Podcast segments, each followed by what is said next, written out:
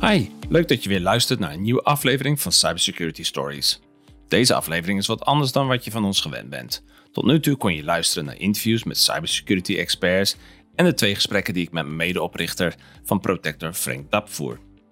Maar vanaf nu kan je ook korte security awareness stories op deze podcast beluisteren.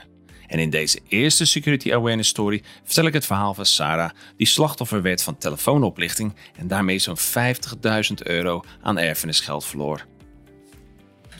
Hoe Sarah binnen 5 minuten haar erfenis van 50.000 euro verloor. In deze cybersecurity story, gebaseerd op een waar gebeurd verhaal, gaat het over een vrouw die haar erfenis verloor aan cybercriminelen. Deze vrouw, laten we haar Sarah noemen, verloor alles. De gehele erfenis die ze wilde gebruiken om haar kinderen een toekomst te geven, binnen 5 vijf minuten weg. Het begon allemaal toen ze een sms'je kreeg van haar bank over verdachte activiteit op haar bankrekening.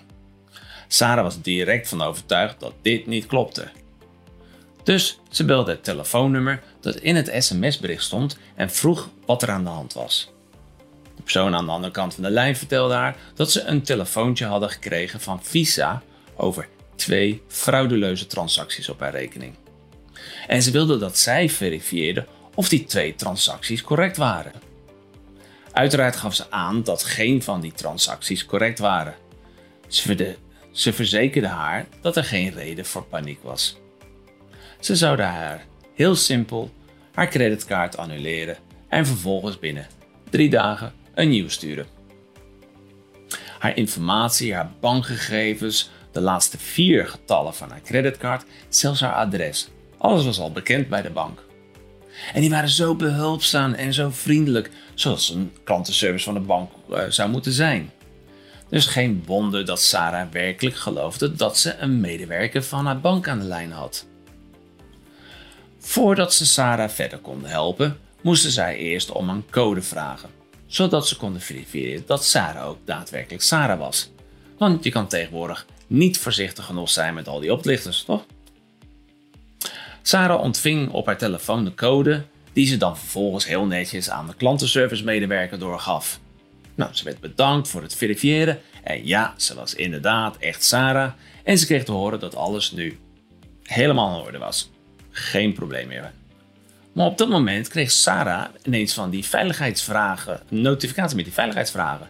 En ze was nog steeds aan de lijn met die klantenservice. Dus ze vraagt, waarom zijn deze veiligheidsvragen eigenlijk nodig? En zij zeiden dat alles in orde was, geen reden tot zorg, want dit is om je bankrekening te beschermen.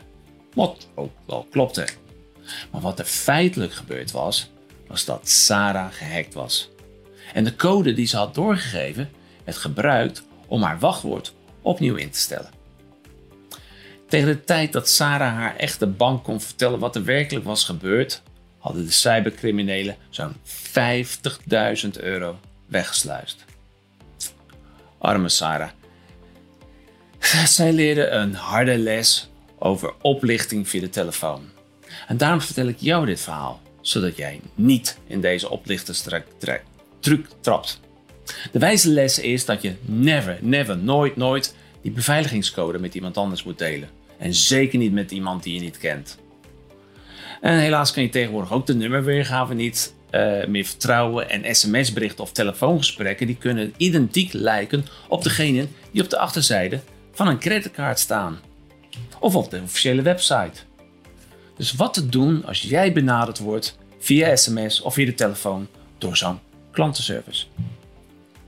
Ophangen, terugbellen. Maar dan wel met het nummer dat op de achterzijde van je creditcard staat of op de officiële website. Bedankt voor het luisteren. We willen regelmatig zulke verhalen op onze podcast hebben om onze luisteraars bewust te maken van de vele online gevaren.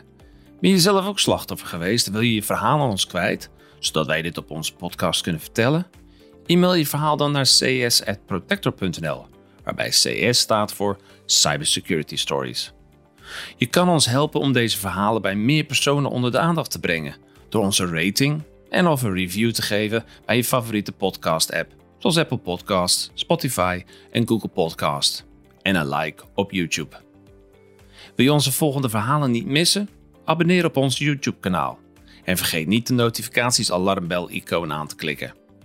En abonneer op onze audiopodcast op Apple Podcast, Spotify, Google Podcast en Stitcher. Tot de volgende keer.